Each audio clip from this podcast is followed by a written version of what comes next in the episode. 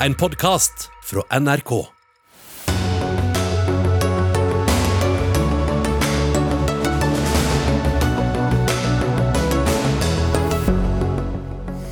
Regjeringen med nytt eh, utvalg som skal se på abortloven på ny. Det trengs ikke, mener Venstre. Vi vet det vi trenger. Høyresiden er delt i eksstatsminister Erna Solbergs etterpåklokskap om krisepakke til oljeindustrien. Men fortsette å virke, ja det gjør krisepakken like fullt. Hvordan går det med forsøket fra de republikanske folkevalgte i å avskaffe monarkiet om dagen? Ikke så veldig bra ser det ut til, men debatten, se den, lever visst evig. Og rettssaken mellom det tidligere skuespillerparet Johnny Depp og Amber Heard nærmer seg en avgjørelse. Utfallet blir viktig for metoos videre skjebne, mener to kommentatorer som kommer til Dagsnytt 18, skjønt de ser ut til å heie på hver sin side. Det er eh, Dagsnytt 18 eh, onsdag, det. Jeg heter eh, Espen Aas.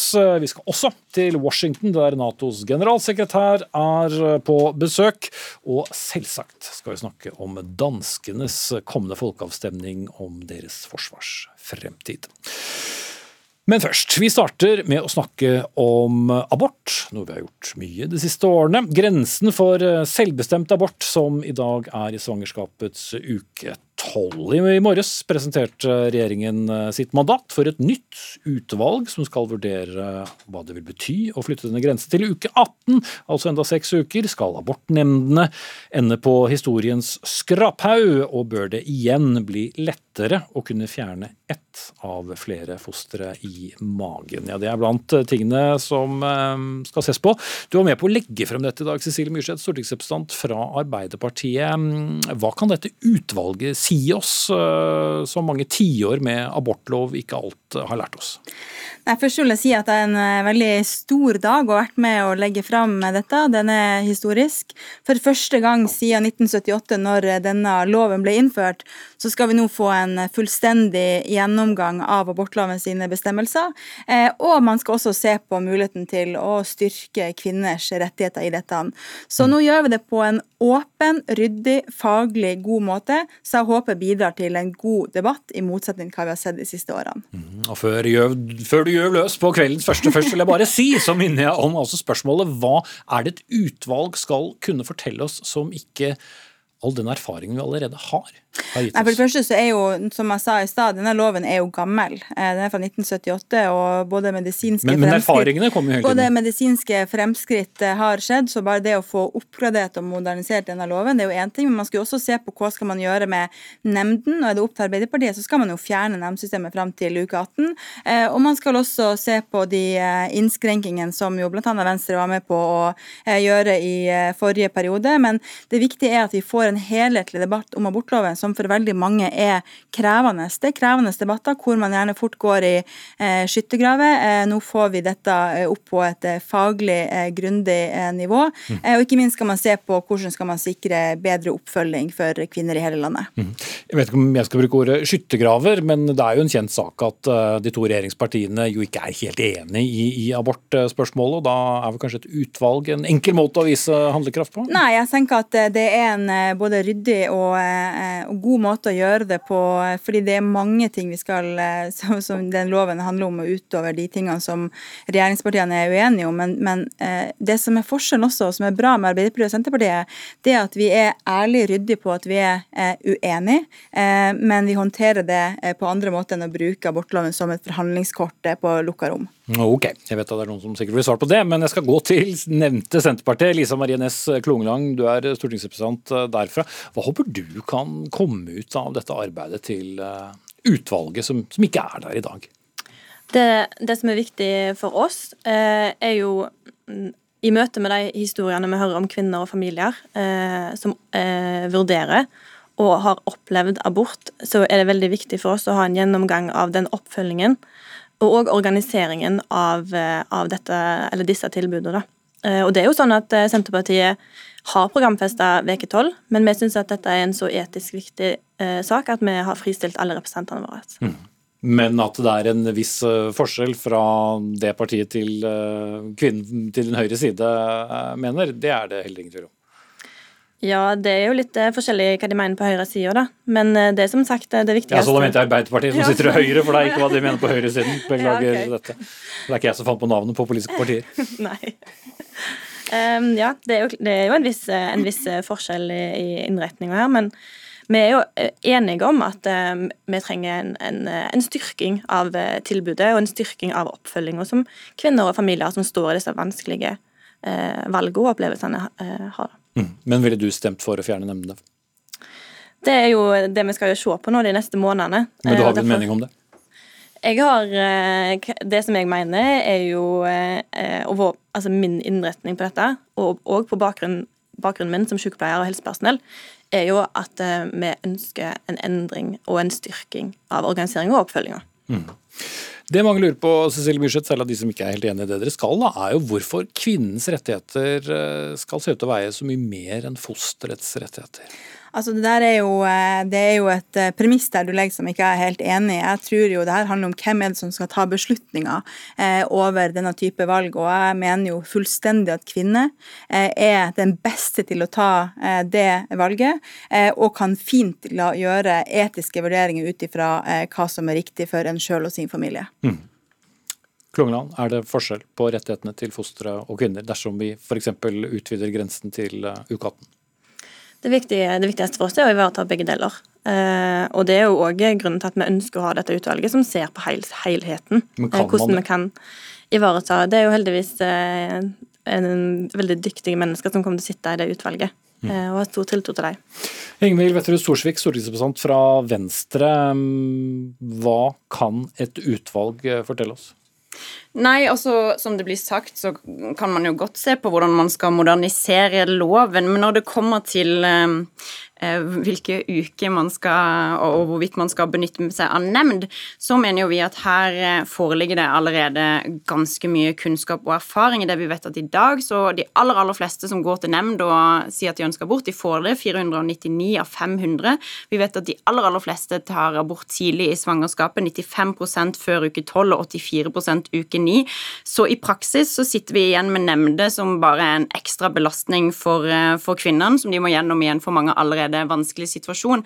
Kan ikke se hva man kan tolke inn av betydning i nemndene, sånn som situasjonen fungerer i dag. Og, og det andre som, som jeg jo syns er litt spesielt med dette mandatet, altså når man da skal se på eh, hvorvidt vi skal ha en nemnd eller ikke, så har jo både Arbeiderpartiet og Senterpartiet bestemt seg på forhånd på hva de skal arbeide for eh, når dette utvalget kommer med sin konklusjon. Så er dette bare en, en forlengelse av den debatten? Skal vi bare skyve på det? Altså Hvorfor kan man ikke støtte Venstres forslag i morgen om å fjerne nemndene og utvide den frie aborten til uke 18? For dere mener vel det samme, Myrseth?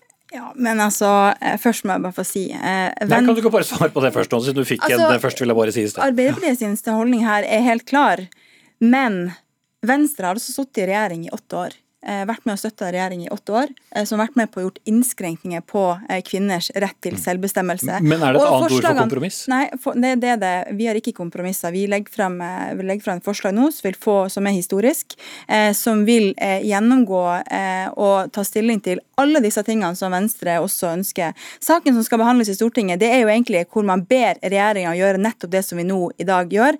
Det er ikke at man gjør, et, gjør eksplisitte vedtak ferdig i morgen. Så nå følger vi jo opp alt det eh, som også Venstre ber om. Det burde Venstre være fornøyd med. Noen ganger, når man i politikken gjør gode ting som man er enig i, så er det jo også eh, litt raust å kanskje si at dette er en eh, bra, bra sak. Og dette er en bra sak for oss som ønsker å styrke kvinners rett til selvbestemmelse og ta nye skritt når det kommer til abortloven. Spørs hva man ender på, da, men Torsvik. Jeg skal veldig gjerne rose den delen av mandatet som eh, omhandler oppfølging og veiledning for kvinner, for det er helt åpenbart at der trenges det store endringer. Men når det kommer til altså både dette med nemnd eh, og dette som går på fosterantallsreduksjon, eh, så har vi såpass mye erfaring, og her har jo også Arbeiderpartiet vært veldig, veldig tydelig, spesielt i den saken hva angikk fosterantallsreduksjon. Og da lurer jeg spesielt på, altså, eh, på dette som går på nemnde, hva er det egentlig som skal undersøkes? Altså, nå har vi de tallene som vi har. Vi ser at de fleste får innvilga abort, de fleste gjør det tidlig i svangerskapet. Hva mer er det man skal utrede knyttet til disse nemndene? Det er det jeg ikke helt forstår. Det står, jo, det står jo helt klart i mandatet at eh, en alternativ skal være å se på å utvide retten til selvbestemmelse. Det er jo nettopp det Arbeiderpartiet ønsker, det Venstre ønsker. Det ligger der svart på hvitt. Eh, så ligger det i tillegg at man skal, eh, skal, nå gjøre vurderinger rundt de endringene som Venstre var med på å gjøre når det kom til fosterreduksjon. Det er jo bra at vi kan eh, gå bort ifra forhåpentligvis den politikken som Venstre har stått for, for nå er det kommet andre koster inn. Men jeg må si Jo, men Bare for å forklare det, da, for de som ikke har fulgt like mange debatter som Dagsnytt 18s lyttere, for så vidt, men det kan jo komme komme til nye. Når du sier øke selvbestemmelsen mm. til abort, abort, det er også et annet ord for Fjerne nemnde til uke 18. Det er jo, det er jo vårt bare, mål. Bare ha Men det, det, jo, det er jo det som, som, ligger i at man skal øke selvbestemmelse. Det betyr jo at det er kvinnen som bestemmer, dermed fjerne nemnd. Men jeg må bare si en viktig del med det arbeidet som nå gjøres, er jo at man får en helhetlig debatt, ikke liksom stykkevis og delt av en lov, eh, som jeg tenker kommer til å være viktig. Og både jeg og Venstre vet at vi har ikke flertall i Stortinget i dag. Jeg er ganske sikker på at med å gjøre dette arbeidet, så vil man styrke muligheten for å få til et flertall eh, i eh, Stortinget. og Der burde jo vi stå sammen som faktisk er enige om dette. For det gikk vel ikke helt klart frem hva man ville i forrige regjeringsperiode, eller? Altså, dette er Venstres primærpolitikk, det som vi nå eh, legger frem. Og det kan ikke være så voldsomt overraskende at vi, at vi gjør det. Det er jo derfor vi sitter på Stortinget. Altså, Poenget var bare at det var ikke like lett å se da man var i regjering. Men poenget jeg er helt enig. altså Vi er enige om mye. Vi har begge programfesta dette som går på, på, utvidelse til 18 uker. Men da hadde det vært så flott hvis vi heller kunne enes i den form at dere blir med og stemmer på det forslaget som vi legger fram i morgen. Fordi vi har ikke flertall i morgen. Dersom vi mangler fem fristilte stemmer dersom Arbeiderpartiet stemmer for våre forslag om å utvide til uke 18 og om fosterreduksjon, og om å finne bedre tilbud knytta til veiledning. Men, men, men, det kan jo ikke være sånn at det viktigste skal være at Venstre får flertall på akkurat sitt forslag. Nå har Arbeiderpartiet gjort det som vi har sagt, og Senterpartiet har gjort det vi har sagt vi sa i Hurdalserklæringa, er at vi skal sette i gang dette arbeidet. Eh, hva Arbeiderpartiet mener her, det er helt, eh, helt klinkende eh, klart. Så jeg tenker at det her blir en litt sånn rar debatt. Nå har vi en historisk mulighet, det, det arbeidet som kommer. Kling på historisk en gang til, men poenget er jo bare for, igjen for de som hører og ser på denne debatten, så høres det ut som Venstre og Arbeiderpartiet er veldig enige. Og så sier Venstre kan dere ikke da like godt stemme sammen med oss i morgen, og så sier du at nei, det blir ikke flertall? Nei, men Det blir det ikke. Det hadde ikke blitt flertall selv om Arbeiderpartiet hadde stemt for. Men det vi har hele tida sagt, er at vi ønsker jo den helhetlige gjennomgangen av den debatten. Og det er en, for veldig mange også en, en, krevende debatt. Og jeg tror at det er eh, loven er tjent med, eh, også den skal stå seg over tid, eh, eh at man gjør en grundig gjennomgang. Og det er én ting vi burde lære når vi ser rundt i, i, i, verden i dag, ikke minst USA og Polen, det er at ingen rettigheter er kommet for evig tid. Man må kjempe for dem hele tida, og vi må slå ring rundt abortloven, og forhåpentligvis skal vi utvide det også. Mm. Klungland, nå har du hørt Venstre og Arbeiderpartiet være ja, relativt enige om en, eh, om en del ting. Eh, hvor mye vekt skal legges på utvalgets konklusjoner?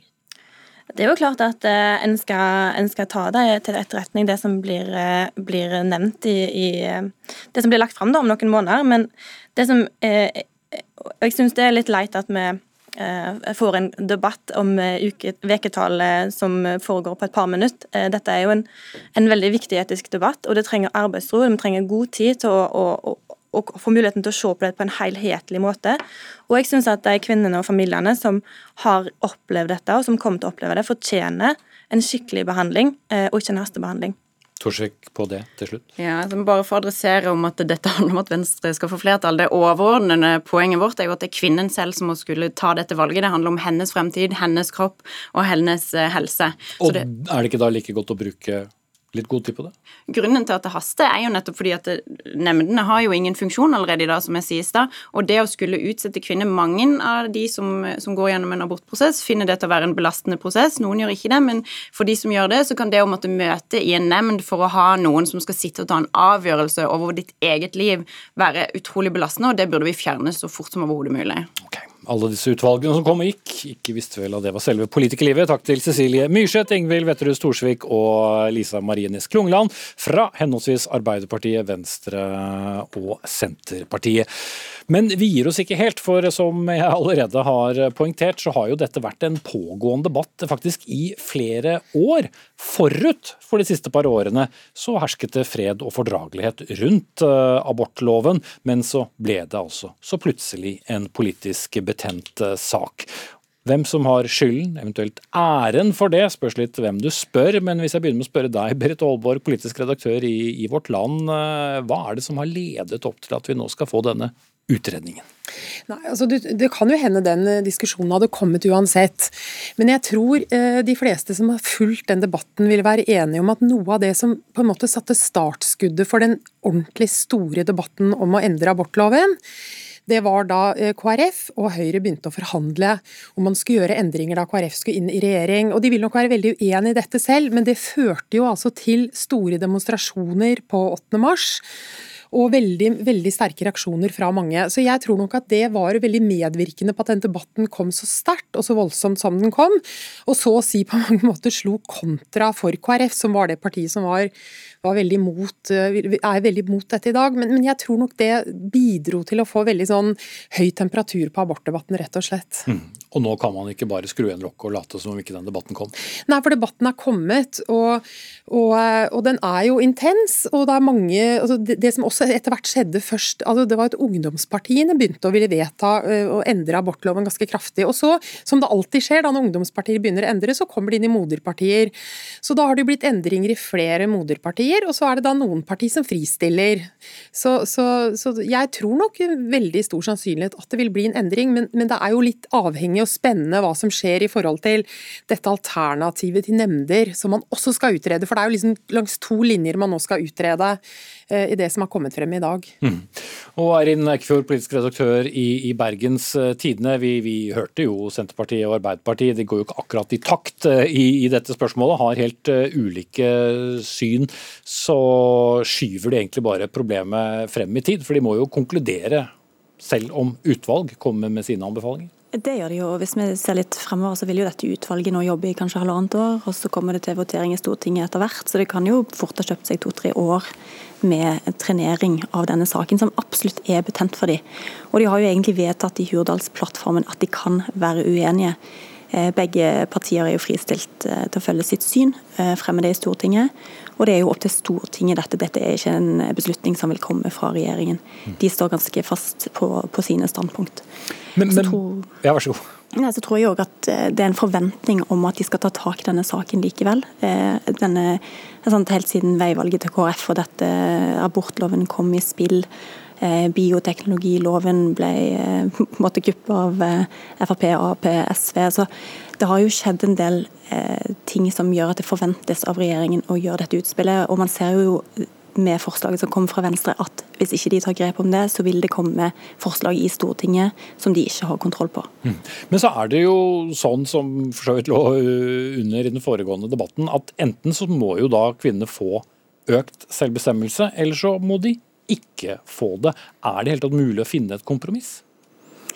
Det det kanskje kan finnes et politisk flertall for, er jo konstruksjoner rundt disse nemndene som sikrer eh, både selvbestemmelses, altså en, en, en medbestemmelsesrett, og at de ikke fremstår som veldig paternalistiske dommere. For det er jo det klagen fra kvinner går på i dag. at til tross for at veldig få får nei fra nemnd, så er det formelt sett nemnden som tar den endelige beslutningen. og muligheten da til å søke råd hos kompetent fagpersonale eh, vil kanskje ikke bli brukt i tilstrekkelig grad fordi at man føler at en må, eh, må inn og, og, tale sin sak på en helt annen måte. Så jeg tror jo kanskje at en løsning ligger der, da, å finne en ordning som, som er mer komfortabel, eller i hvert fall eh, ikke setter kvinnen i en så ubehagelig posisjon. Mm. Nei, jeg har i dag prøvd å snakke med flere politikere om hva som kunne vært et alternativ til nemnd, og det er det veldig få som, som kan svare på i dag. og Kanskje forventer de at dette utvalget skal se på det. Men én ting som f.eks. er blitt nevnt, er at man kan ha obligatorisk rådgivning. Men, men jeg tror at det blir utrolig spennende om, om, disse, om dette utvalget greier å finne på noe som ingen andre egentlig har gjort før. For ser man til andre nordiske land, så er det heller ikke noe det er liksom ikke noe, noe modell å gå etter. Så, så, hvis man skal få et alternativ som er godt, så må man nok jobbe en del med å prøve å lete frem det forslaget. Og det tror jeg ikke at noen har helt klart for seg i dag. Nei, og hvis Senterpartiet fortsatt vil ha en eh, nemndløsning, og iallfall eh, ikke gå forbi uke tolv, så blir det jo en politisk eh, knute der. Ja, det blir en politisk knute, men jeg tror, som Erin Eikfjord sier, at det kommer, jeg tror det kommer til å komme til Stortinget. Og da har de sagt at de kan stemme hvordan de vil, og da tror jeg det kommer til å stå om Dersom man får et godt alternativ på dette nemndet, så tror jeg det kommer til å stå på om veldig få representanter. Det er kanskje snakk om, I vårt land har vi telt det litt, det er kanskje snakk om en fem stykker. Og når da de fri, når de, en del av de andre partiene som ikke eh, står bak dette, denne utredninga har fristilt sine representanter, så kan det bli flertall, men det kan også bli veldig spennende. Så Det er liksom ikke gitt hva dette kommer til å lande på, rett og slett. Mm. Og så er det jo slik da, Rina Ekfjord, at Reglene er blitt endret slik at mange flere gravide sjekker seg tidlig også i, i svangerskapet eh, enn en tidligere. Hvordan kan det spille inn? Ja, I praksis var jo det et kjempeviktig vedtak som kom i fjor, det at man innfører innfører NIPT-test og tidlig ultralyd for alle.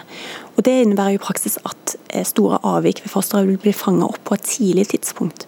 Og Det er jo nettopp det som i praksis vil unngå de skikkelig kjipe senabortene, som i dag kanskje ikke, altså, eller tidligere ikke blir fanget opp før på ultralyd i uke 18.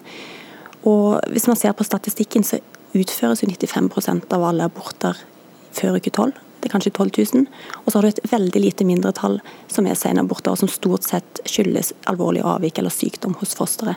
Så løsningen for å unngå senaborter og aborter generelt er jo, eh, ligger jo kanskje her, da. Eh, og at i praksis så vil jo selvbestemmelsesgrensen 12 eller 18 ikke ha så veldig mye å si.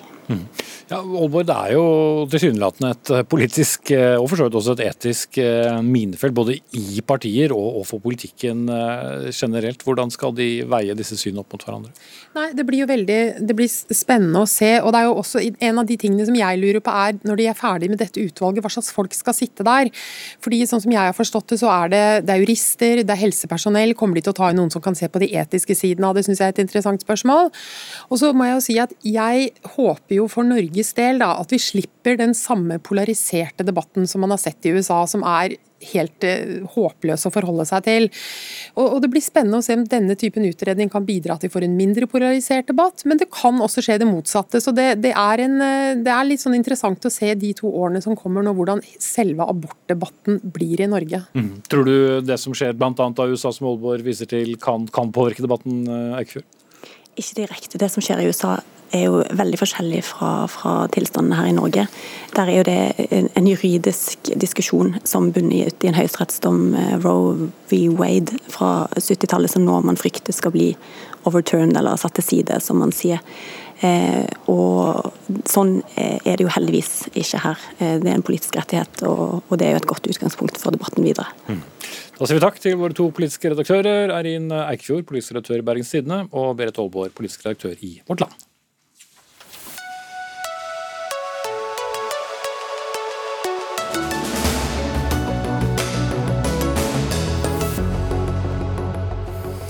Politisk eh, etterpåklokskap er også kanskje blant de mest eksakte vitenskaper eh, vi har, men det skapte i alle fall oppsikt da tidligere statsminister Erna Solberg innrømmet overfor NRK at krisepakken til olje- og leverandørindustrien både var unødvendig og feil, rett og slett fordi det viste seg at eh, oljeprisen ble så høy som den gjorde. Bransjen kunne nemlig klare seg uten det hele, men pakken med sine betydelige skattelettelser som Stortinget vedtok for to år siden, den varer videre, den, ut året, uansett eh, høye olje- og gassinntekter. Tina Bru, stortingsrepresentant og nestleder i Høyre, og tidligere olje- og energiminister. Din eh, sjef Erna Solberg tok altså selvkritikk på det i går. Er du, er du enig med henne? Altså, det er jo ingen tvil om at når vi nå eh, ser tilbake på situasjonen eh, og vet hvordan ting utviklet seg, så kan man mene mye om hvordan den pakken eventuelt burde sett ut, og om man burde hatt den pakken eller ikke. Men jeg er helt sikker på at, som Erna Solberg også sier i det intervjuet hun gjorde med NRK, at det var helt riktig og nødvendig å gjøre det vi gjorde når vi gjorde det, for vi kunne ikke vite. Eh, og nå føles det veldig lenge siden ut, men når jeg tenker tilbake på den situasjonen vi faktisk sto i eh, når pandemien traff oss, så var det helt eksepsjonelt. Altså oljeprisen raste, alle var kjempeusikre. Vi fryktet masse oppsigelser. Vi fryktet tap av kompetanse i viktige kompetansemiljøer for Norge langs hele kysten vår hvis vi ikke gjorde noe. Så selv om ting gikk bedre enn det vi fryktet, så kom jeg aldri til å angre på at vi gjorde det, for det var riktig å gjøre det. Eh, og så kan man i ettertid se at vi hadde kanskje ikke trengt å gjort så mye, men det kunne vi virkelig ikke vite da. Mm. Sylvi Listhaug, stortingsrepresentant og leder for Fremskrittspartiet. Du sa jo til oss i går at det er sitat, merkelig at Høyre eh, sier det de gjør nå. Hva, hva syns du er merkelig? Nei, det, jo, altså det, at denne bransjen har fått skattelette, var jo rett og slett Høyre sin, sin politikk som førte til. fordi det som Fremskrittspartiet tok til orde for, var en modell som ikke ville gitt skattelette, men som ville gitt utsatt skatteinnbetaling. Og vi prøvde jo å få med de andre partiene på det. Det står også svart på hvitt i innstillinga at vi, dette påfører statskassa en unødvendig ekstrautgift på flere milliard kroner. Mm. Men hvis vi går på selve den eh, etterpåklokskapen, mm. eller selvkritikken, hva, hva er det som er rart med den? Nei, altså vi sto i en helt, eksepsjonell eh, situasjon. Og det som ville skjedd hvis vi ikke gjorde det, var jo at mange av de prosjektene som nå man er godt i gang med å planlegge, ville ikke kommet så langt. Mm. Nå står vi i en krig. Eh, Putin eh, har makt over Europa pga. energipolitikken. Og det er klart at pga. dette her, så vil flere av disse prosjektene kunne realiseres tidligere. Mm. Jo, der er vi også enige, men så er det dette merkelige da, som du, du mm. sa til oss i går. Så jeg bare prøver å få et svar på hva, hva du mener med som er merkelig med å komme med en slags selvkritikk nå Nei, det, det, er jo måten man er etterpåklok på, og at man, man for så vidt viser til også at de får skattelette. For det var jo ingenting som næringa ba om. Og det var heller ikke noe Fremskrittspartiet ønska å gi dem den gangen, men det var den modellen som, som ble valgt. Det vi burde for så vidt eh, latt være å gjøre, det var jo å øke klimakravene til oljenæringa, som betyr at vi må bruke enda mer penger på elektrifisering, som gir høyere strømpriser til vanlige folk. Og okay. der er det jo veldig synd at Høyre snudde i sin politikk. Kommer vi også innom den, men tilbake til utgangspunktet. Ja, altså Jeg, jeg syns dette er en merkelig kritikk. fordi at eh, Selv om Frp argumenterte når vi forhandlet om dette på Stortinget for en litt annen løsning, som vi advarte veldig kraftig mot, som var at de hadde lyst til at man skulle kunne gjøre, altså ha direkte avskrivninger også i selskapsskatten da, for petroleumsnæringen. Det var det Frp tok til orde for, og det advarte vi kraftig mot. fordi at når man tross alt skulle gjøre sånne midlertidige endringer da, i et veldig viktig skattesystem i Norge, så var vi opptatt av at det ikke skulle gi smitteeffekter eller risikere å uthule resten av skattesystemet vårt. Selskapsskatten har vært lik for alle selskaper all næring i Norge siden det store skatteforliket i 1993. Det er et prinsipp som er verdt å bevare. Mm. Dessuten så gikk jo vi til Stortinget også med eh, en lavere friinntekt enn det som ble sluttresultatet i Stortinget, mye fordi Frp også var med å forhandle dette opp, selv om de ville ha en eh, annen mm. løsning. Det er veldig mange teknikaliteter her, men, men, men, men, den skatteinnretningen som ja. endte der, var, er det den som du mener burde vært annerledes, eller ja, altså, er det totalen? Det, er litt altså, en, det må være lov, mener jeg, å være etterpåklok også, hvis ikke man kan være det som politiker og se i ettertid at noe kunne vært gjort annerledes, så er det dårlig. Jeg tror det er bra at vi har den evnen, men det var ingen som visste på den tiden hvordan ting skulle bli. Og da mener jeg at det var rett det vi gjorde, men vi ville jo ha et annet resultat enn det som ble resultatet. Men vi, uansett, vi stemte for det, for det var rett å gjøre, gitt den usikkerheten vi faktisk levde med når dette skjedde. Men poenget med å være etterpåklok klok nå, hva er egentlig det? Er ikke det bare at det er helt greit å ha offentlig debatt når vi har gjort Altså, vi har levd gjennom en pandemi som var kjempeuforutsigbar for alle. altså næringer, vanlige folk, eh, staten, politikere. Alle måtte prøve å tråkke opp en sti vi ikke har tråkket opp før. Og så gjorde vi mange beslutninger. Ikke alle vil alltid være helt rette, men at vi gjorde mye som var riktig.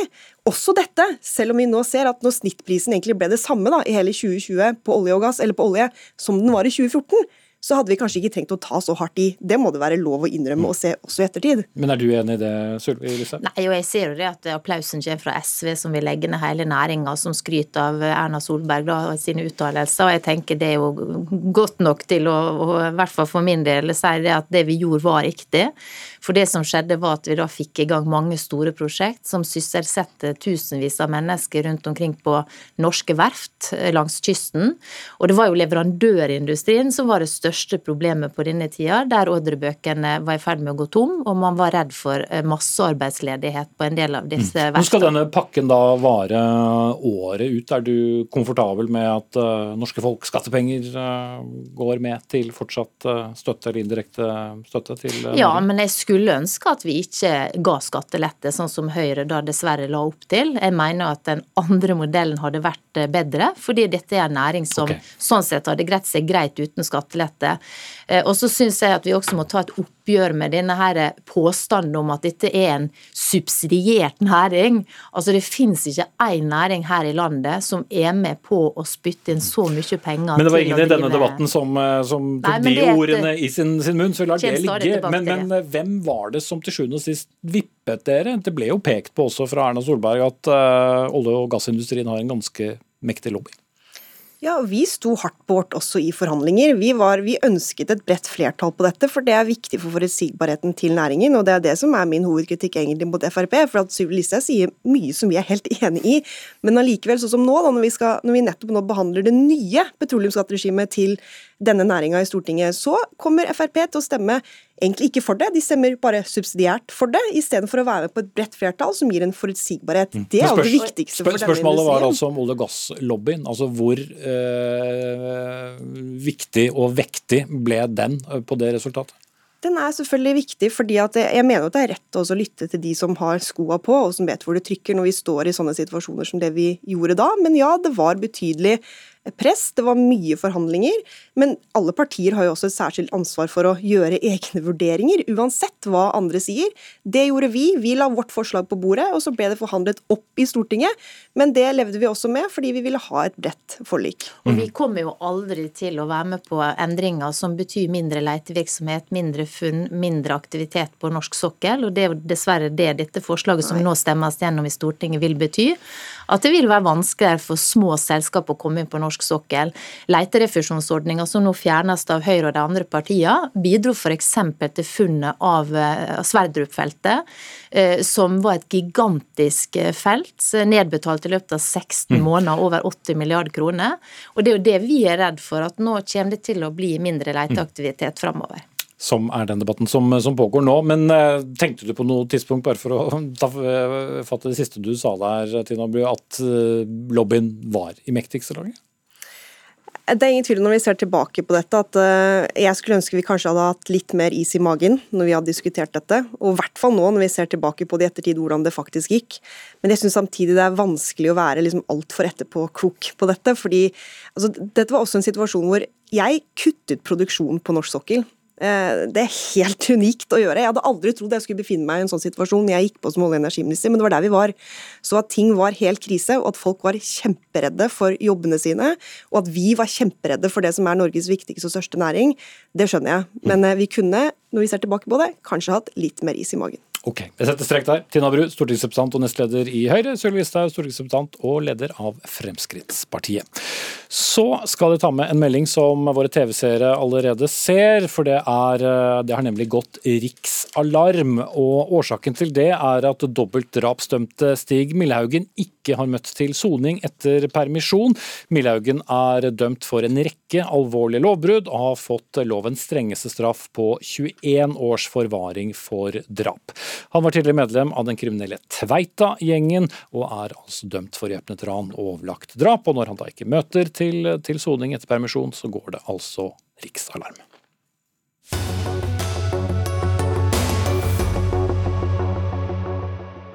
Kongehuset nå det har stadig stor oppslutning i folket, og tydeligvis også på Stortinget, for det var bare 35 av 131 representanter som stemte for forslaget om å i det hele tatt utrede et eh, spørsmål eh, om eh, monarkiet. Og det er faktisk en representant mindre enn i 2019, som var forrige gang Stortinget stemte over monarkispørsmålet. Norge forblir derfor et kongelig arvedømme inntil videre, uten at kanskje så mange ble overrasket over det. Ei heller du, vil jeg tro, Andreas Skjalg Undland, stortingsrepresentant fra SV og også republikaner. Er du skuffet over at det går motsatt vei av eh, det du selv står for? Jeg vil ikke si at én stemme er, er, den store utviklingen, men jeg skulle ønske at det gikk eh, andre vei. Og jeg vet jo at det å være republikaner kanskje ikke er Norges mest populære mening, så det er jo med fare for å erte på meg prinsessen og halve kongeriket jeg er her. Men jeg syns jo at det er egentlig helt konge at vi tar debatten i, i Stortinget, og at vi, vi, tar den her. Nettopp fordi at vi, vi, må jo diskutere hvordan staten vår og, og samfunnet vårt er organisert. Og jeg mener at eh, det at det er demokratisk bestemt hvordan Stortinget vår ser ut, hvordan regjeringen ser ut, det synes jeg er noe av det beste med samfunnet. og skulle ønske at statsoverhodet også var demokratisk valgt. Mm. Altså Grunnen til at vi snakker om dette i dag, er at dette var eh, et av flere grunnlovsendringsforslag som da var oppe i, i Stortinget. Men hvorfor skal vi bruke tid på et spørsmål som gir mer eller mindre det samme utfallet hver gang det er eh, oppe? Og det er jo også en ganske sånn tidkrevende prosess med disse grunnlovsendringene. Ja, altså, Vi har jo ikke et valg eh, for eh, å bestemme hvordan statsoverhodet i Norge skal være. så Det er jo viktig at vi tar debatten i, i Stortinget. Og Jeg ble jo republikaner eh, på prinsipielt grunnlag, så kronargumentet mitt var jo å spørre meg sjøl hvordan ville jeg designet et samfunn hvis jeg kunne designet det fra scratch. Da ville jeg ikke puttet en familie på toppen som skal arve det øverste vervet. Og Hvis jeg hadde vært politiker i Island eller Finland, så hadde jeg ikke ment at det, det samfunnet hadde blitt bedre om de hadde innført monarki. Og Da føler jeg at da har jeg et ansvar for å jobbe for det jeg mener er det beste samfunnet, og det er en republikk. Maren Grøtte, stortingsrepresentant fra Senterpartiet. Du ønsket å bevare kongehuset, så du er jo fornøyd i dag. Men uh, hva hadde vi mistet da, med en utredning om uh, monarkiet, som jo egentlig var det man skulle stemme over? Nei, altså Jeg er jo helt uenig med Andreas Skjalg Gunneland her. Rett og slett fordi at vi har et system i Norge som fungerer godt. Det norske kongehuset har jo en kjempeviktig funksjon. De er samlende for landet og viktige tradisjonsbærere, som de har vært over flere hundre år. Og vi vet jo det at når vi står overfor store kriser, som vi har hatt mange av de siste åra, så har de en kjempeviktig samlende funksjon i en debatt som ellers kan være veldig polarisert. da. Men i alle disse svarene, som ikke var noe jeg spurte om, eh, så var altså spørsmålet hva er det vi mister eller tar eh, Hvilken fare er det ved å, å ta en utredning om et videre monarki, som altså var spørsmålet? Men Problemet her er jo at vi konstruerer en problemstilling i Stortinget som ikke er et ønske fra folket. og Det er jo det jeg syns er vanskelig med den tilnærminga som Underland her. her. Er det ikke masse at... saker i Stortinget som ikke er et ønske fra folket? Men i en så stor og viktig sak som eh, hvilken statsmakt vi har, så det, mener jeg det er viktig. for altså, Alle meningsmålene de siste åra viser at det er stor og bred oppslutning i folket. Senest en som NRK gjorde i januar, viste jo at 90 eh, av norske ungdommer vil beholde Eh, monarkiet. Og Da mener jeg at det, det, er mye mer udemokratisk av oss i Stortinget å bestemme at vi skal ha denne debatten nå, hvis det ikke er et krav fra folket. Vi må støtte opp om det norske kongehuset, som faktisk er en viktig tradisjonsbærer og en viktig nasjonal, del av den nasjonale identiteten vår, mener jeg. Ja, altså, men vi styrer jo ikke samfunnet vårt etter, etter, meningsmålinger, vi styrer det etter valg. Og jeg tror Senterpartiet også skal være glad for at vi ikke styrer det etter meningsmålingene, sånn som ting ser ut eh, for, for øyeblikket. Men, men hvis vi skulle tatt det argumentet på alvor, så kunne vi sagt sagt at ja, når Gerhardsen var statsminister, så kunne vi egentlig bare avlyst alle valg, da, for han var jo så populær på meningsmålingene. Jeg, valg har jo en, en, funksjon på at det tvinger oss til å ta noen debatter, få folk til å ta stilling. Så for min del kan vi ha kongevalg hvert fjerde år. Det, det hadde vært, vært helt strålende. Og, og, det er ikke sånn at demokratiet vårt er som, er som, et slag med sjakk. Det er ikke sånn at Hvis kongen går bort, så, så taper vi noe. Jeg tror folk sine liv hadde vært ganske like om kongehuset hadde vært borte i morgen. Det påvirker folks liv i særs liten grad. Grøtta. Nei, Der er jeg helt uenig. Jeg tror kongehuset har en stor verdi ja, for mange innbyggere i det norske samfunnet. Når vi ser en stor polarisert debatt i kommentarfelt og fra det ene til det andre Vi kan ha store diskusjoner om Erna eller Jonas eh, styrer landet best, men jeg tror vi alle sammen kjenner på en sånn følelse i eh, hjertet vårt om at vi er stolt over landet vårt når vi ser det norske kongehuset reise rundt, når de greier å samle oss i tida vi ellers er splitta. Og det er en verdi vi skal ta på alvor. Og at SV ikke ser den verdien som kongehuset faktisk faktisk har i å samle landet vårt i krisetida og i hverdag. Det syns jeg rett og slett er skremmende. Gjerd Drømras 22.07. Det er jo mange mm. eksempler der kongefamilien har dukket opp uh, under han, og som mange setter stor pris på, uten at de nødvendigvis endrer uh, så mye ved, ved, det som har skjedd i forkant. Altså, kongehuset er, er, fint og flott, og de gjør en god jobb, så det er jo ikke det dette, dette handler om. Uh, for meg så er, det, er, kongehuset litt sånn som altså, juletre på julaften. Altså, det er hyggelig at vi tar et tre inn i stuen, det er hyggelig på, på festligheter. men resten av året, så er det litt rart, egentlig. Eh, og Vi har jo ingen stor eh, debatt om dette. Det, det bør vi ha. Og så syns jeg det er en sånn illusjon om at kongehuset ikke er politisk. Når kronprinsen drar på kondolanseseremoni til Saudi-Arabia, et av verdens verste eh, diktaturer, når de besøker våpenprodusenter i USA, eh, når han investerer aksjer i den unge eliten med siktkonferansen, ikke det politiske ting kongehuset gjør da? Vi kan alle, altså hvis du sammenligner kongefamilien med Erna eller Jonas, så er vi alle sammen enige om at kongefamilien har en mer samlende funksjon og er mindre politisk enn dem. Og Det tror jeg er en viktig del vi må anerkjenne. De fleste er vel mindre politiske enn partiledere? Det kan jo ikke stemme, det òg. Men man, det er her som er på en måte problemet til SV. For at Man ser på det som en sånn rent teoretisk at vi skal bygge opp samfunnet vårt på nytt.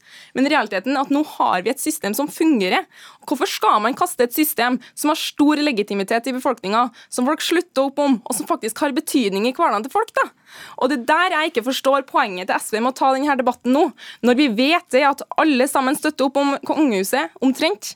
Hvorfor skal vi utsette utsette det. Vel, aller fleste partier ser ut til å ha representanter som eh, mener det, unntatt dere i mm. Senterpartiet og Fremskrittspartiet. Mm, ja, jeg er stolt over at det var et samla Senterparti som støtta opp om monarki i dag. Og det viser det at eh, vi må gjøre det òg i veien eh, framover. fordi at vi må på en måte erkjenne at altså, det er viktig at vi nå har folk i maktposisjoner som har en bred tillit i befolkninga. Det ser vi mer nå enn noen gang. Og okay. Da tenker jeg vi må støtte opp om kongehuset. Du hadde så mange ordspill til å begynne med, så nå får du ikke ordet igjen, Andreas Skjalg Gunnrand, fordi jeg hadde tenkt å ta selv, men jeg strøket alle sammen. Takk skal du ha, stortingsrepresentant og justispolitisk talsperson i SV, og Maren Grøtte, stortingsrepresentant i Senterpartiet, sammenlignet med et juletre, kongefamilien i denne debatten.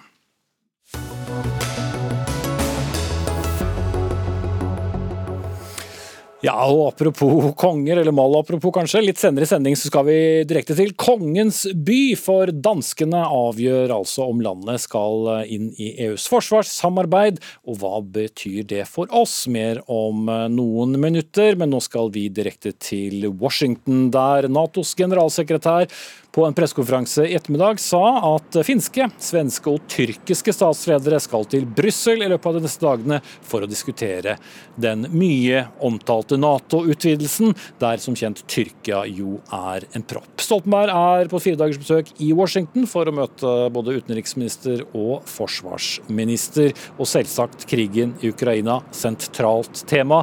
I dag sa også Russlands utenriksminister Sergej Lavrov at krigen kan utvikle seg til å inkludere flere land enn bare Russland og Ukraina. Korrespondent eh, Tove Bjørgaas, eh, du var på pressekonferansen som Stoltenberg og Anthony Blinken hadde for ikke så lenge siden. Hva, hva var hovedbudskapet? Ja, Det var jo akkurat det du, du, var inne på her. altså Denne krigen er ikke over. Blinken sa at denne krigen kommer til å vare i, i mange måneder til. Og nå sender altså USA enda flere og enda mer eh, langtrekkende raketter til Ukraina. Og det kalte Stoltenberg på, på pressekonferansen for ekte amerikansk lederskap. Så de takket hverandre, men er også veldig bekymret for den videre utviklingen nå, som de følger selvfølgelig veldig tett med på. Mm. Stoltenberg er i eh, USA nå i, i, fire døgn. Hva er det han uh, først og fremst forsøker å oppnå? Det er jo å fortsette å koordinere innsats med USA veldig veldig tett. Det skjer veldig mye i Nato nå. Du var inne på Finland og Sveriges medlemskap.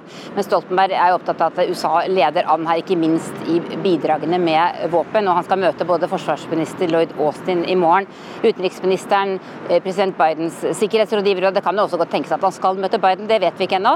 Eh, men det er for å koordinere veldig tett det Nato og USA gjør nå, og sørge for at man, eh, at man sikkert også tenker igjennom eh, scenarioer for neste, denne neste fasen av krigen som nå er i gang, som er, mange eksperter mener er farligere og mer uforutsigbar for verdenssamfunnet. Og Når det gjelder Stoltenberg eh, selv, han nyter stor tillit hos amerikanerne, Tove Bjørgaas, og de ønsker at han skal fortsette utover dette ekstra året som foreløpig er avtalt. Er det kommet noen nye signaler fra amerikanerne der? Nei, de, de, de, uttrykker bare sin store, store støtte og takk til den norske generalsekretæren i Nato, også for at han har blitt sittende, og også for den erfaringen han hadde da, da denne krigen kom, og hvor utrolig viktig det er med stabilitet. Og, og, altså Nato er jo inne i sin viktigste eh, periode siden alliansen ble stiftet i 1949, er vel de fleste enige om. Så det er ikke tvil om at amerikanere ønsker at Stoltenberg skal bli sittende. Men det var to menn som eh, hadde stor eh, beundring og respekt for hverandre som møttes her for en time siden. Takk skal du ha, Tove Bjørgaas, direkte med oss fra Washington DC.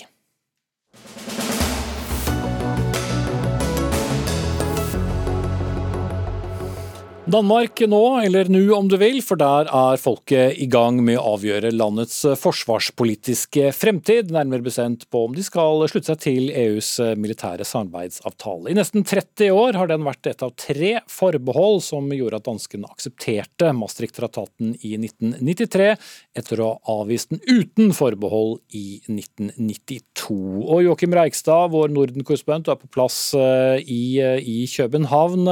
Hvor mye står egentlig på spill i denne folkeavstemningen? For statsminister Mette Fredriksen så er dette en veldig viktig kveld. Man peker jo gjerne på at da hun ble statsminister, så gikk partiet hennes tilbake. Da det var lokalvalg i Danmark for et eh, års tid siden, så gikk partiet hennes tilbake.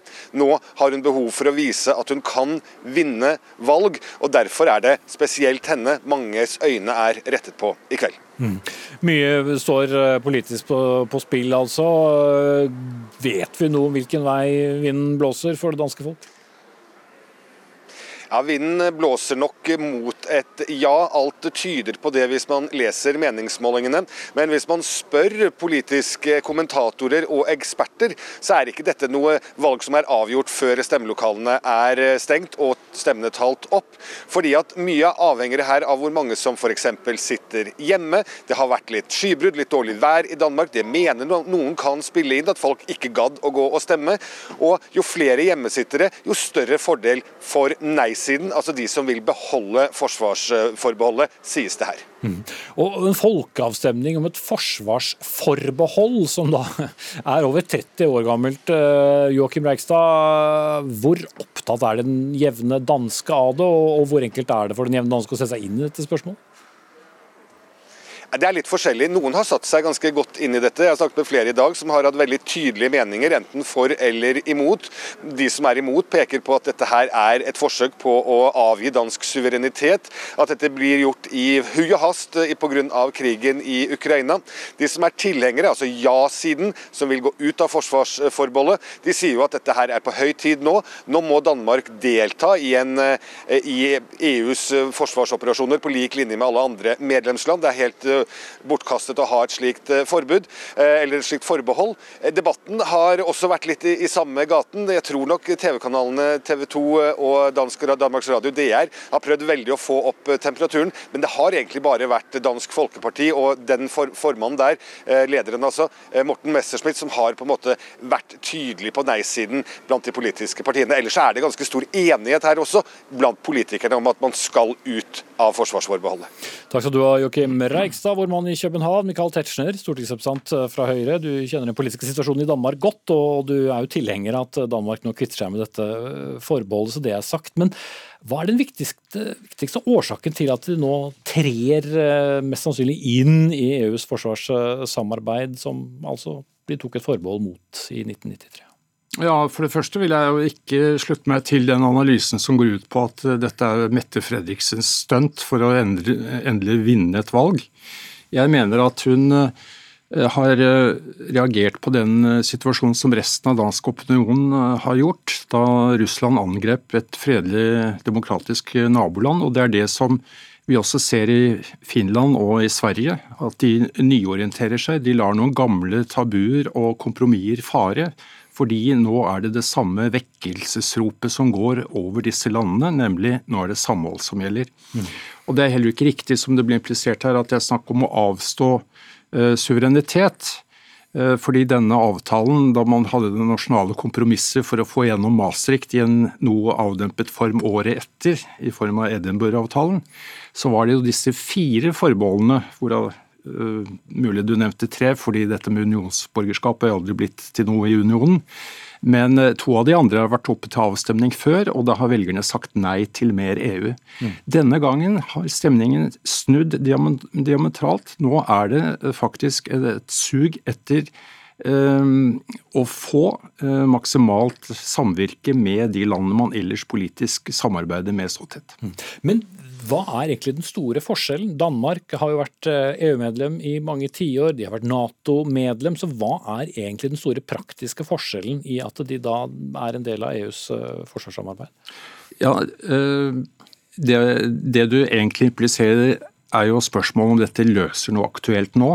Og Det er ikke noe på agendaen som er veldig eh, presserende for at de skal si eh, ja. Men det er allikevel eh, slik at dette forbeholdet er blitt fremstilt, eller har også virket som en begrensning i Folketingets kompetanse til å bli med i EU-ledede aksjoner, f.eks. i Bosnia-Hercegovina så var jo Danmark med så lenge eh, denne fredsbevarende styrken var ledet av Nato.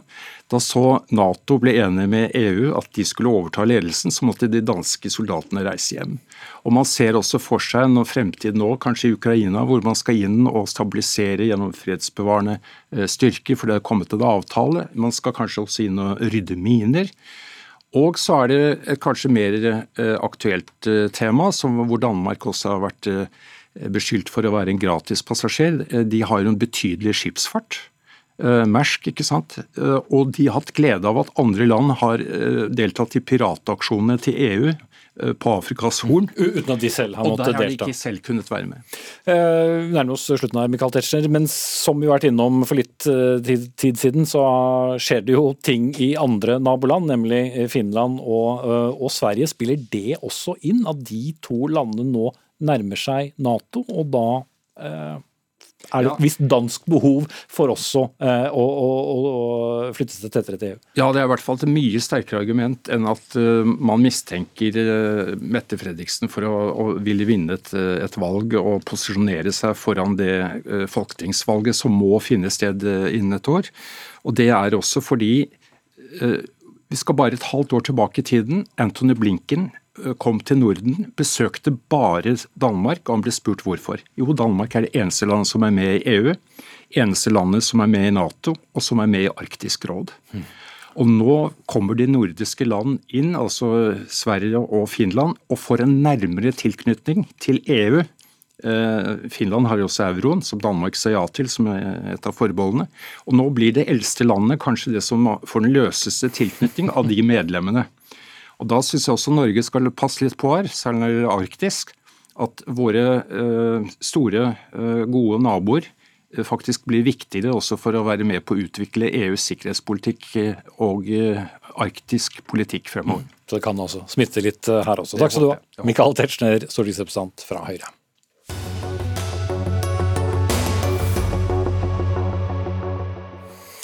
Et eh, fallert ekteskaps eh, kanskje aller mørkeste avkroker presentert for eh, åpen scene, en verdensscene om du vil. Jeg snakker om rettssaken mellom skuespillerne Johnny Depp og Amber Heard, der de groveste beskyldninger fyres av mot hverandre.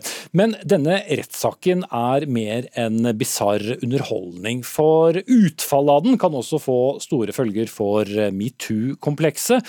Men for menn og mannlige ofre, kommentator Oda Okkenhaug i Trønderdebatt, eh, dette skriver du om. Eh, hvordan kan de virke inn? Nei, noe av det som er fascinerende, men òg ganske deprimerende med den saken, her, det er jo at det viser flere problemstillinger som er både eh, allmenn og vanskelig å ta i og vanskelig å snakke om. Og Det ene det er jo det her med metoo. Det at kvinner kanskje ikke blir trudd på hvis det viser seg at Johnny Depp som vinner denne saken. Men det jeg har skrevet om, det handler om eh, menn som utsettes for vold av kvinner, og som ikke blir tatt eh, alvorlig. Mm. Selma Moren, debattansvarlig og journalist i Dagsavisen. Eh, bekymrer dette deg, når du skal se hva konsekvenser som kan komme av den rettssaken? Det som kanskje har bekymret meg litt, har vært det som har utfoldet seg mens rettssaken har gått. Det har jo blitt eh, livestreama, og folk har fulgt med nesten som det har vært reality-TV. Og det har blitt delt veldig mye på sosiale medier. Og jeg har reagert spesielt på fremstillingen av Amber Heard og hennes eh, påstander om eh, overgrep og voldtekter. Eh, hvor hun bl.a. har blitt latterliggjort på apper som TikTok, hvor man har brukt lyden av denne forklaringen og seksualisert den. Um, som står i ganske stor kontrast til egentlig, Dette kommer fra samme generasjon som har vært opptatt av at man skal tro kvinner, eller i alle fall møte eh, historier om overgrep og voldtekt med respekt og varsomhet. Og dette ser ut til å være liksom helt fritatt, eh, eller Amber Heard er helt fritatt for denne skånsomheten. da. Og det har jeg nok reagert litt på. Mm. Men uh, tilbake til deg, Okkenhaug. Må man lese denne bisarre uh, saken, tredje runden mellom disse to, uh, inn i et metoo-kompleks? Eller kan man ikke la være? Jeg tenker at denne saken den viser flere grunnleggende utfordringer som vi har i, i samfunnet vårt. Så da snakker jeg både om i eh, USA, men som vi også ser i Norge. Og denne her, eh, saken det er definitivt et eh, metoo-problem, og jeg er helt enig i det Selma både har skrevet og det hun sier. Det er helt forferdelig at eh, ei som forteller om eh, vold og overgrep, blir hetsa med og trua på livet, som vi har sett at Amber Heard blir. Men så er det òg et annet aspekt med denne saken som jeg har velga å sett på, og det er nettopp det her med eh, vold mot menn. Fordi det har jo blitt lagt fram bevis, lydklipp, i denne rettssaken hvor Heard innrømmer å ha slått Johnny Depp, og så latterliggjør han fordi at han er mann som blir utsatt for vold i nære relasjoner, og så sier hun et eller annet som eh, Det er ingen som kommer til å tro på deg fordi du er mann. Så det jeg har sett på, det er eh, det her med, med, menn som blir utsatt for vold i nære relasjoner. Og vi vet at i Norge òg så er det eh, en del menn som blir utsatt for vold i nære relasjoner. Minst, eller I underkant av 2% av norske menn har opplevd det. Eh, det er nok ganske store mørketall, men så snakkes det veldig lite om. Så jeg tenker da at det er, eh, denne rettssaken kan være med å belyse flere problem. Enten at det er måten kvinner som forteller, blir hetsa og hundsa med. Men så kan det òg være med da, å fortelle en historie om, om eh, å belyse historien til menn som har blitt utsatt for det her. Mm. Ja, du nikker i studio, Selma Moren. Er, er Johnny Depp eh, den som, som, skal gi en sånn gruppe et ansikt, med for så vidt den, den historikken som kommer frem om ham i studio? Det vet jeg ikke om jeg kan svare deg på, men jeg tror nok at Eh, f.eks. i klippet sosiale medier, da, så har jo dette eh, lydklippet av Amber Heard, som, eh, som, sier dette du beskrev nå, eh, gått veldig viralt. Og, og, det har også vært liksom, grunnlaget for at veldig mange har lagt henne for hat, som er på en måte forståelig, at man tenker at hun lyver basert på det. Men så har man f.eks. underspilt bevis som har blitt lagt fram, f.eks. hvor Johnny Depp eh, skriver at han har lyst til å drepe og voldta Amber Heard sitt brente lik, som på en måte gjør at jeg reagerer litt på at det er veldig sånn hashtag 'justice for Johnny Depp', når dette kanskje kan virke å være et gjensidig voldelig relasjon, f.eks. Og der vil jeg påpeke at eh, vi må være forsiktige med at vi ikke kun tror på de perfekte ofrene. Altså en kvinne som har begått vold mot noen, kan også bli utsatt for overgrep. Og det har bare vært det jeg har hatt lyst til å på en måte eh, kommentere, nå som det har vært en slags Eller det jeg opplever en ganske ensidig fremstilling av den rettssaken. Mm. Enig i det, Åkneig? Ja, absolutt. og jeg tenker jo at, eh, at, akkurat det som Selma sier her nå, det er jo med å understreke nok et problem. At vi som samfunn vi har jo ikke språket til å forstå eller snakke om eh, mennesker som er i et eh, parforhold hvor begge to er voldelige. For det er jo, virker veldig som at det er tilfellet i denne saken. Mm. Men kan den også altså Dere leser mye viktighet eh, inn, inn i den, eh, Selma Moren, men kan den også rakne metoo-bevegelsen? For du har vært innpå det når du har skrevet om det. Ja, og der er jeg altså tilbake på dette med at metoo også rammet uperfekte ofre. Og også det at man um, sto sammen flere. Ikke sant? Det tok jo over 100 kvinner til for å felle Harvey Weinstein. ikke sant? Så det at man på en måte konkluderer med uh, at Amber Heard er en løgner, og også knytter det opp mot en del sånne klassisk sexistiske ting, som at man er manipulerende. Um, F.eks. når hun ler eller smiler i rettssaken, så blir det tolket veldig som at hun er manipulerende og kald. Men så Johnny Depp har ledd og tullet, så er han eh, sympatisk og morsom. ikke sant? Så jeg reagerer litt på Eller det er litt skummelt å se da, hvordan man eh, hvordan man rett og slett har vært så brutal uh, i denne saken på sosiale medier. Da. Og da lurer jeg litt på om det er en slags uh, backlash på metoo. da. Mm. Eh, Vi må snart runde av, for sendingen er over. og Vi venter også på utfallet av denne rettssaken, som sannsynligvis, kommer denne uken. Men til slutt, Odd Akkenhaug, hvorfor får denne saken så enorm oppmerksomhet? Både i tradisjonelle medier, men også og sosiale medier. Det er nok flere grunner til det.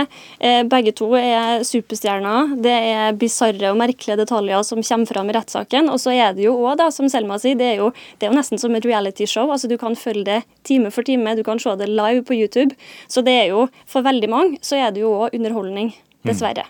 Dessverre. Kommentator Oda Oknaug i Trønderdebatt og debattansvarlig i Dagsavisen Selma Oren. Vi sier takk til dere. Vår tid er omme. Ansvarlig for sendingen Anne Katrine Førli.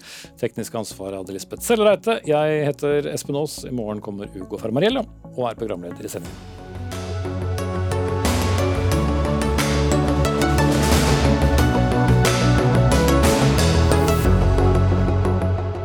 Du har hørt en podkast fra NRK. Hør flere podkaster og din favorittkanal i appen NRK Radio.